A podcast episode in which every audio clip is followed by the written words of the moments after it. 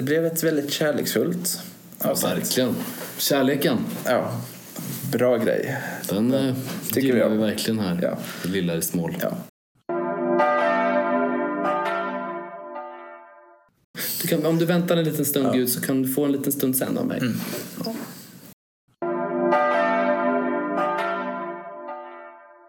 Och ni ska läsa någonting på söndag i katolska kyrkan. Vad tänker du då på? Nej, men evangelietext. Ja, så gör det. ja, ja, liksom, ja, men det kommer vi göra. Det kommer vi verkligen göra. Jag lovar. Det börjar bli Jag, sent. jag känner, vad är det vi ska läsa? jag. Nej, men det är det, något, är det något jag missat?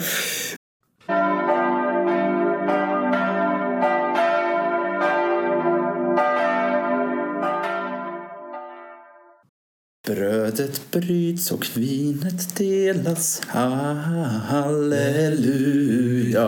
För att världen skall få leva, halleluja.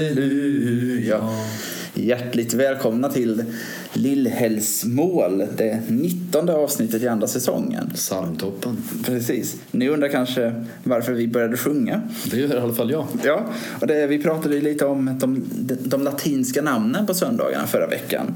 Och det latinska namnet för den här söndagen är cantate, som Åh. just betyder sjung. Och därför vill jag helt enkelt bara börja med att sjunga lite. Det gör ingenting. Nej. Nej. Det var trevligt. Det, alltså, egentligen borde vi sjunga mer, har jag tänkt på. Ja. Amen. Det är för att eh, både du och jag gillar ju psalmer. Och du citerar ju, i alla fall om man läser, man följer dig i sociala medier, då citerar du ofta psalmverser. Ja, men precis, jag gillar att avsluta. Kan du många psalmer utan till eller? Ja, men det skulle jag nog säga. Och eh, jag gillar också att sända ut en bild av mig själv att jag kan det. Ja, ja okej. ja. Eller inte gillar, men här, Jag gör nog ofta det. Ja. Mm. det var en, jag läste en kurs i höstas där eh, vår lärare började prata om psalm 39. Man sa inte vilken det var. Och sen så blev det Är det Jesus, Jesus, Jesus från Nasaret. Går jag fram? Ja, precis. Ja. från Nasaret. Och så frågade hon, för hon skulle koppla Ja. teologin i den till det hon hade pratat om. Och så Mm. frågade hon klassen, "Ja, men vet ni vilken det är? Knäpp till klassen. Hon vände sig mot mig och bara, Linus, jag ser på det, du vet vilken det här är. Och då blev jag lite så nervös, Ja, man vill ju inte ha fel. Nej. Men jag hade rätt. Så, Ja, att jag utsöndrar också att jag Ja. Men jag tror att det handlar om att för mig, jag kanske har sagt det i podden, kanske inte. Men för mig så var ju psalmboken nyckeln in till teologin när jag var, Jaha. när jag var ung. Att det var inte bibelläsningen som Nej. berörde mig mest där, utan det var teologin i psalmboken. Mm. Intressant alltså. Så att jag har en väldigt, ja men psalmboken är viktig för mig. Jag fick ju en psalmbok i första klass i skolan faktiskt. Mm. Av alltså, min lärare. En sån här grön storstils Ja. psalmbok som jag har kvar. Som det står Jim i med tusch. Som någon har skrivit då med tuschpenna. Jag fick en sån av min församling när jag konfirmerades. Mm. Det är väl vanligare att man får av, av, av kyrkan då, församlingen. Men den, fast att jag inte var troende i barndomen så sjöng jag psalmer hemma. Eh, flera stycken som jag då hade lärt mig i skolan. För jag, vet inte, jag gick ju på landsorten och där, där sjöng vi psalmer. Både Jesus för världen givit sitt liv, och som är nummer Eh, 45. 45 ja. Ja. Och jag är också bra på det där ju. Mm. Men det är problematiskt för jag, den där psalmboken har vi ju inte i katolska kyrkan. Nej. Och jag kan ju inga nummer i Cecilia som Mm. vår psalmbok heter. Eh, och sen sjöng jag, den första psalmen tror jag var som jag lärde mig, den heter Lova Herren, sol och måne. Nummer Den är, har jag, är jag faktiskt sju. inte bekant med. Sju. Nummer sju, ja. Ja. Eh, okej, vet man inte så vet man inte. Men, men den, eh, den kanske inte är så vanlig heller. Men den var en av de första jag lärde mig. Och då skulle vi... Först sjöng vi den. Och sen skulle vi eh, rita bilder till de olika verserna. Eh, och, grejen är man sjunger då lova Herren sol och måne och så är det olika andra saker som man ska lova Herren. Eller, för, för jag trodde ju att det var så att jag ska lova Herren olika saker. Jag lovar dig, Gud, att du ska få det och det. Det var det jag tänkte som barn. Jag lovar dig, Gud, att du ska få sol och måne. Men eh, hoppsan, det var inte det det betydde alls. Och så där kan det ju vara att det, ibland glömmer de vuxna att förklara ålderdomliga uttryck. Lova Herren betyder ju att solen och månen ska lovsjunga Gud. Det är ju det det betyder. Ja, precis. Jag blev faktiskt, eh, innan jag, började, innan jag påbörjade mina studier till präst, så var det också en psalm som påminner mig om, om min prästkallelse. Okej. Det var ja, men sommar 2019 så mm, hamnade jag i en liten ska man säga, identitetskris, är väl kanske fel ord, men åt det hållet. Verkligen så här. Ja, Men var lite, var lite deppig, framförallt eh, osäker på vart jag ville i framtiden. Och så minns jag så starkt hur jag en kväll sitter med en vän i en minibuss i en skog i Norrland. Okej. Och vi börjar båda, utan att ha pratat om det, jag vet att han är också troende, han vet, vet att jag är det. Vi börjar båda spontant sjunga Blott en dag. I den här känslan. Vi har också pratat om, Intressant. om liksom, den emotionella process jag var, var i. Och medan vi sjunger så påminns jag väldigt mycket, för att det här var också en period jag hade varit lite slarvig med att gå i kyrkan under ett tag. Men jag blev så påmind under tiden vi sjunger blott en dag. Om allt som kyrkan betytt och betyder för mig. Och jag blev påmind om den där ja, 14-15-åriga, beroende på när det var, minns inte exakt, Linus under konfirmationen. Som började samtala med prästen om att någon gång i framtiden vill han också eventuellt bli präst. Okej. Och alla de minnena Du minns det då? kom tillbaka till mig medan vi sitter där i den där minibussen och sjunger blott en dag. Så den salmen hade så stor betydelse då för ditt vägval egentligen? Ja, den väckte den kallelse som slumrade i mig. Intressant att höra. Och något annat som alltid är intressant att höra är inte mina radioövergångar. Utan det är... Det är blandat i och för sig. Det är alltid kul att höra vad du ska, hur det ska bli. Om du ska lyckas eller Ja, inte. precis. Ja, ja. Men något annat som alltid är intressant att höra att det är evangelietexter. Stämmer. Ja. Och ni ska läsa någonting på söndag i katolska kyrkan. Vad tänker du då på? Ja, en evangelietext. Ja, så gör det. Ja, ja, ja, liksom, ja, men det kommer vi göra. Det kommer vi verkligen göra. Jag lovar. Det börjar bli Jag, sent. jag vad är det vi ska läsa? till? Nej, men är det, något, är det något jag har missat? Det, det, men det Det är här är det 46 avsnittet vi spelar in om din läsboll och du är fortfarande lite Nej, osäker men på vad det är vi pratar om. jag har, jag har ett svagt minne. Jo, men okej, det- just det, det är det du menar. Ja. Ja. Apropå den här podden då. Och, Ja. eh, så, då ska vi läsa ur Johannes evangeliet som vi har läst ur ett tag då. Eh, kapitel 13 är vi inne på.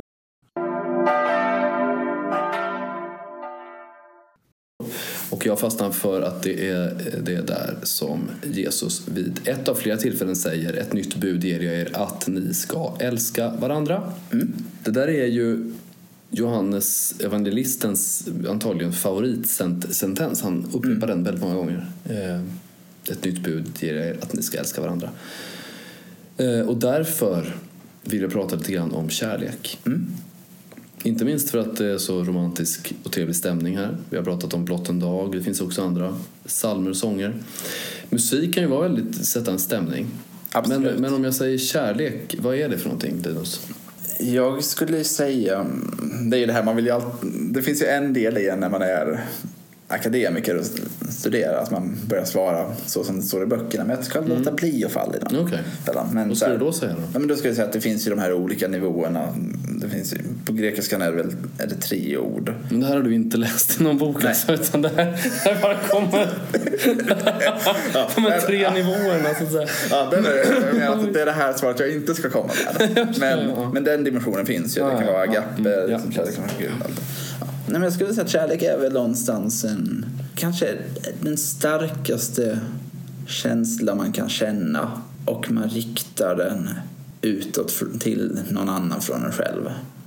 Och det är med en önskan om att den som tar emot ens kärlek ska få och må det allra bästa. Ja, du får in många saker i den definitionen ju. Det rym, rymmer många saker.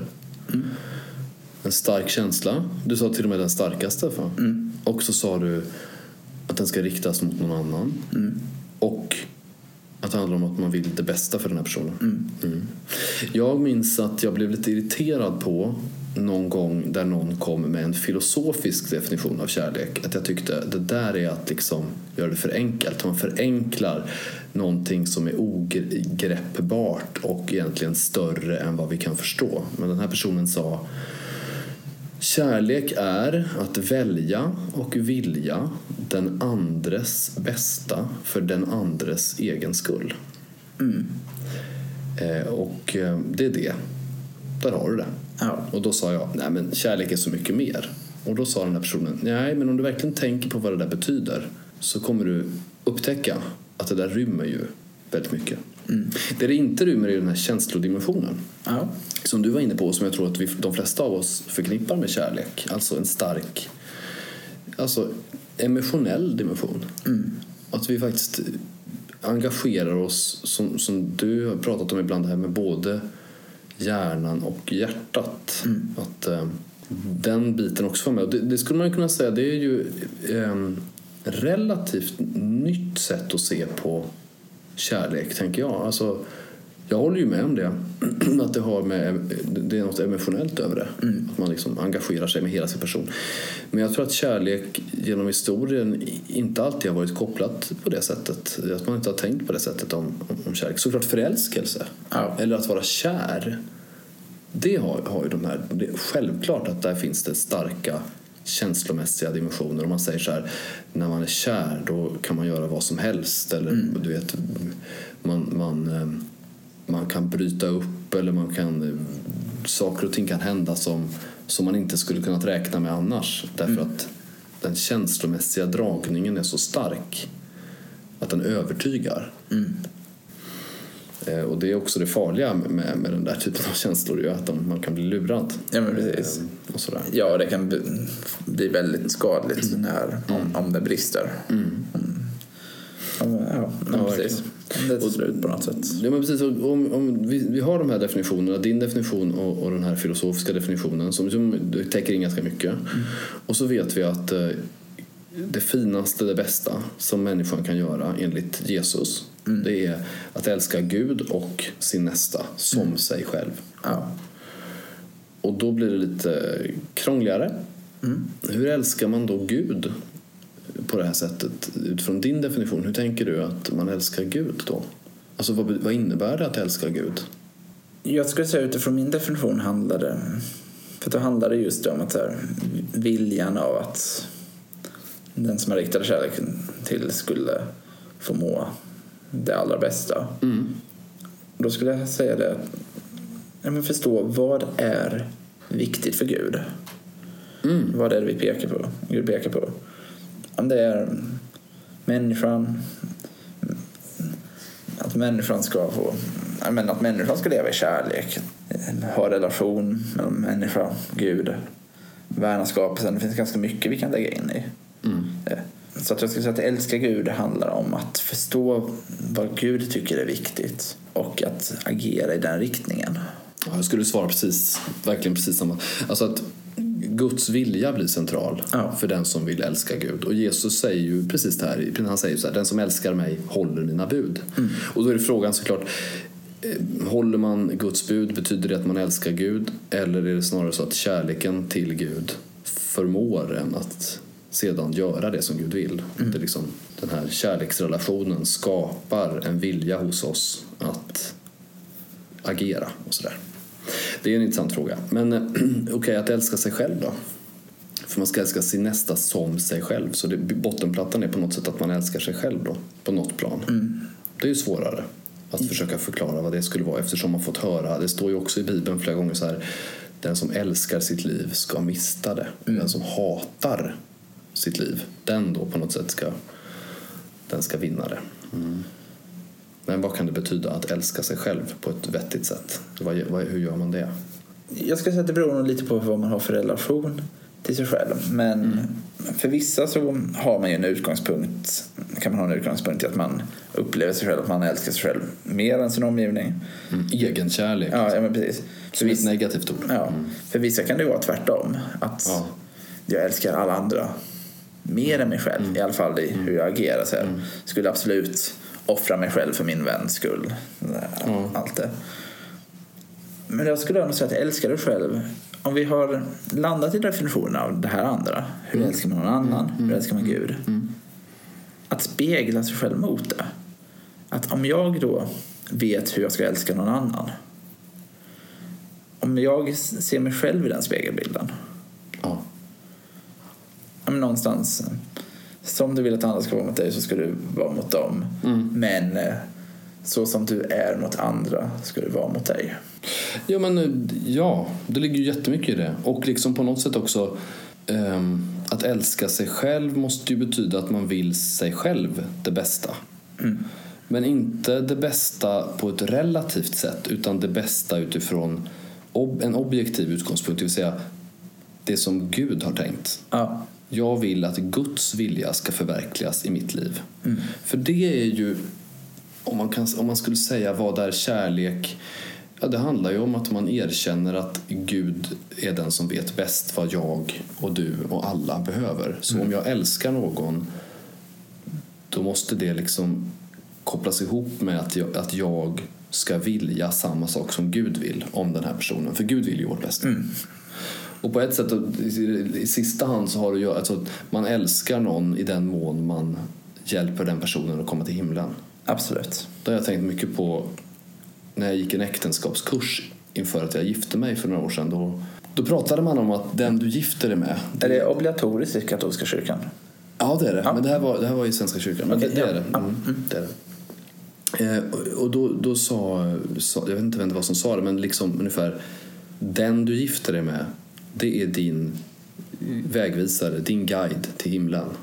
Och den som du gifter med, dig med, den ska du ta med dig till himlen. Det måste liksom vara prio ett. Jag minns att jag sa det i ett vigseltal en gång. Väldigt tror fina ord. Ja, det är väldigt, jag tycker också Ja. det. För mig landar det väldigt bra, men jag förstår också liksom sammanhanget. Jag tror inte alla, alla, alla kanske inte förstår vad det in- skulle betyda. För mig landade det väldigt gott, Ja. känner jag när du sa det. Och i ett sekulariserat samhälle kan det, kan det ju liksom landa fel. Och jag tror att jag sa det där någon gång i ett vigseltal och människor förstod inte alls vad jag menar. För att himlen, vadå? Vi, vi ska, ingen är väl på gång att dö här va? Utan det är ju livet som gäller. Och det är härligt. Vi, vi, har, vi är precis så att säga, vi ska gifta oss nu och leva. Ja. vi ska inte dö så att säga. Men himlen är ju, i alla fall för min del då, Ständigt närvarande. Ja, men det är ständigt, abs- verkligen, exakt ständigt närvarande. Och liksom, det är det det handlar om. Eh, Det var den här, åh, jag berättade om det för två veckor sedan. Att eh, jag hade lyssnat på en, en, em, benediktinsyster och hon sa i bönen övar vi, på, övar, oss, vi, övar vi oss på att lämna över oss själva till Gud inför det sista överlämnandet som sker när vi dör. Och jag tycker också det. Hela, det var någon, jag vet inte vem som sa det, men jag, jag kan ju också jag kan tycka att det låter vackert att säga att döden är livets höjdpunkt. I döden vill jag fullt ut kunna säga till Gud, här är jag, ta mig hel och hållen i din vård. Och jag, jag skulle vilja kunna säga det redan nu, alltså är fullt ut, helgjutet. Men det är klart att all, vi människor vi är också dubbelbottnade och saker och ting drar och sliter i oss. Och vi kan inte alltid säga till Gud, ta hela mig. Utan vi säger, du kan få fem minuter. Eller du kan få, du kan, om du väntar en liten stund Gud så kan du få en liten stund sen av mig. Ja. Men så, kärlek alltså, det har vi pratat om nu. Och eh, kärlek till sig själv, till nästan, till Gud. Ehm, Det här är så centralt ju. Ett nytt bud ger jag. Det är ju inte ett nytt bud, säger Johannes, utan det, är liksom, det, det fanns från begynnelsen. Men, men Jesus liksom påminner oss om det. Att det här är liksom meningen med livet, att leva i kärlek. Och att den där kärleken relateras då till, såklart till att Gud vill någonting för våra liv. Vi kan inte hitta, vi kan inte hitta på den här kärleken själv, eller vi, vi uppfinner inte oss själva. Så att, att älska någon har inte bara att göra med att jag vill ha någonting av den personen, eller att jag vill bygga den personen eller göra någonting av den personen. Utan det måste ju alltid relateras till vad vill Gud, han som har skapat mig. Så det finns ingen riktig kärlek utan att vi relaterar det här till Guds vilja. Och därför, så, om du vill om du vill lära dig att älska måste du lära, dig, måste du lära känna Guds vilja bättre. Det är liksom bottenplattan. Och nu finns det två bra ställen i Bibeln som handlar om vad kärlek är. Dels är det ju i Höga visan där det står att kärleken är stark som döden och såna här saker. Men jag, nu tänkte jag på första Korintierbrevet 13 som du kommer läsa på massor av vigslar i, i framtida karriär. Då. Eh, där, det står att, där det börjar med att det står att kärleken är tålmodig och god. Och så står det den brusar inte upp och den söker inte sitt. Och jag tycker den texten är så bra att man borde läsa den med regelbundenhet. Mm. Och jämföra sig själv. Hur mycket av det där som är kärleken. Det står kärleken är de här sakerna. Och man, då kan man också säga Gud är de här sakerna. Det är Guds vilja att vi älskar varandra så att den här texten förverkligas. Så läs kärlekens lov så pass ofta att du har lätt att relatera till om du lever detta eller inte.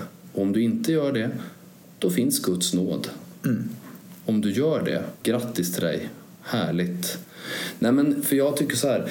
Det är en av de bästa biktspeglar som finns. Läsa kärlekens lov och fundera på vad, vad, vad ligger, vad behöver jag jobba med? Om jag ska jämföra mig med de här fantastiska orden. Mm. Det vill jag skicka med den här veckan. Fantastiskt. Jag tänker att vi ska lite snabbt. Vi fastnade länge i kärleken och det gör ingenting för att vi kommer vara kvar i kärleken. Ja. Här. Nu när vi går till Svenska kyrkan. Femte söndagen i påsktiden. Att växa i tro. Och vi läser från Johannes evangeliet 15, verserna 10-17. Och det här Jesus säger att vi blir kvar i hans kärlek om vi håller hans bud, att vi ska älska varandra och att vi är hans vänner, inte tjänare. Ja. Jag tänkte att jag vill prata om lite av en hjärtefråga för mig. Det kan det vara. Men Det handlar om att älska den som inte av världen förtjänar att bli älskad. Och att det här är, här upplever jag det som att det finns en enorm vad ska säga, klyfta mellan det kristna tankesättet och det sekulära tankesättet. För att en av de vanligaste frågorna jag får från mina vänner som inte är troende är hur kan du vilja förlåta den som har gjort det här fasansfulla? Och för mig handlar det just om, om kärlek till nästan. Om kärlek till medmänniskan. Och att det inte ska blandas ihop med, vi pratade om för det var kanske två månader sedan eller någonting, ett, ett bra tag sedan, om skillnaden mellan döma och fördöma. Och gå in lite här att det här behöver absolut inte betyda att jag legitimerar handlingen. Handlingen kan ha varit förkastlig, den kan ha varit fasansfull. Eventuellt kommer personen få stå till svars för det här när den står inför Gud. Men om jag tror på det, att vi kommer möta Gud och att det där sker ett, ett domslut. Ja, men då kanske inte är jag som ska behöva gå in och döma här. Utan tvärtom kanske vi just ska visa på att det här som du gjorde var förkastligt. Men du som människa, jag vill fortfarande i den mån det är möjligt att du ska bli räddad. Ja, jag skulle säga att det är essensen av kristendomen. Ja. Och vad intressant, vad glad jag blir ändå av att höra att människor känner till det. Eftersom de frågar dig det. Ibland så, tyvärr, på gott och ont, så är det ju så här att människor känner till alla regler som kristna har. Eh, Man får inte göra det ena, man får inte göra det andra, bla bla bla. Absolut. Eh, och, men de, de känner inte alltid till den här dimensionen som handlar om Guds barmhärtighet. Och det är ju kristna människors fel, det är inte Guds fel. Utan det är ju för att vi har varit så dåliga på att visa fram det här. Att Gud är barmhärtig. Och det är hela poängen, hela grejen. Visst, Gud ställer krav. Gud önskar att vi ska leva vår potential, brukar jag säga. Men han är ju den som alltid vill underlätta för oss genom att förlåta. Men det är klart, då kommer ju den här intressanta frågan. Kan man förlåta allt och hela balletten? Som ju är jättespännande att fundera på. Ja men verkligen. Ja, jag tänker att det här, för mig knyter an lite till det vi sa för två veckor sedan om, när vi pratade om, om Petrus och att eh, om man bara vänder sig om ett steg så hittar man tillbaka. Och att det är så Nej, men någonstans så är det ju vår, en del av vår kallelse som kristna att hjälpa människor. Inte minst de som verkligen har trampat snett. Mm. Att visa på att ja, men nu är du du har sprungit långt in i den här mörka skogen genom det här som har skett, genom det du har gjort. Och den skogen, den finns absolut kvar här. Men du kan vända om. Och jag vill visa dig på den vägen. Sen så vet både du och jag att den här skogen finns här. Vi, vi nonchalerar inte det här. Men det gynnar ingen av oss att du är kvar där inne. Och vi vill inte att du ska vara kvar där inne. Det här är ju en utmaning tror jag för alla samhällen. Att eh, kristendomen på något sätt vill hjälpa människor att ta itu med, ja men vad kan man säga, synden då. Mm.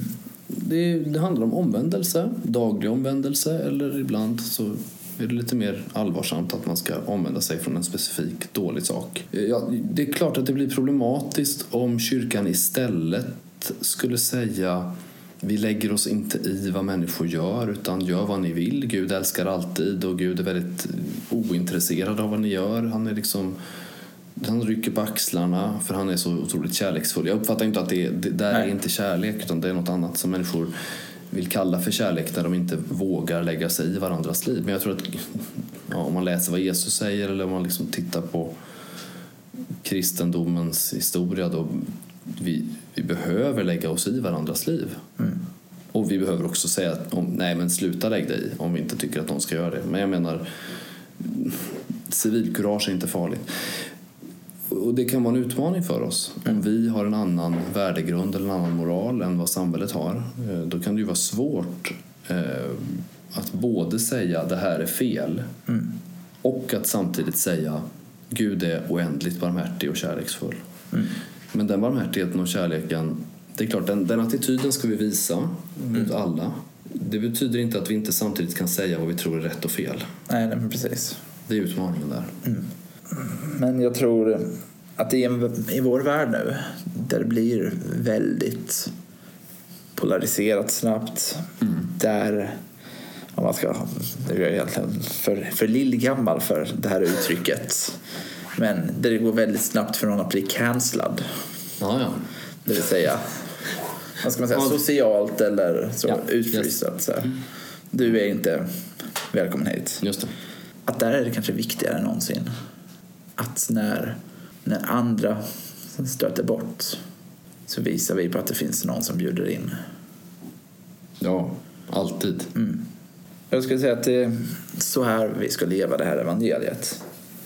Att älska den du spontant inte vill älska den här veckan. För det är kanske just den som behöver kärleken som mest. Mm. Orka be för omvändelse, om det är det det handlar om. Det är ju verkligen kärleksfullt att göra det tycker jag. Eller- Och det handlar inte om att sitta på några höga hästar och tro att man själv är bättre, för man vet väl vad man själv brottas med. Men att orka också be för andra.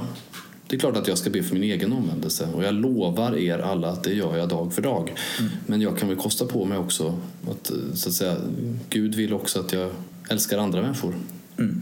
Det blev ett väldigt kärleksfullt avsnitt. Verkligen. Kärleken, Ja, bra grej. den eh, Tycker jag. vi verkligen här. Ja. Det lilla i smål. Ja.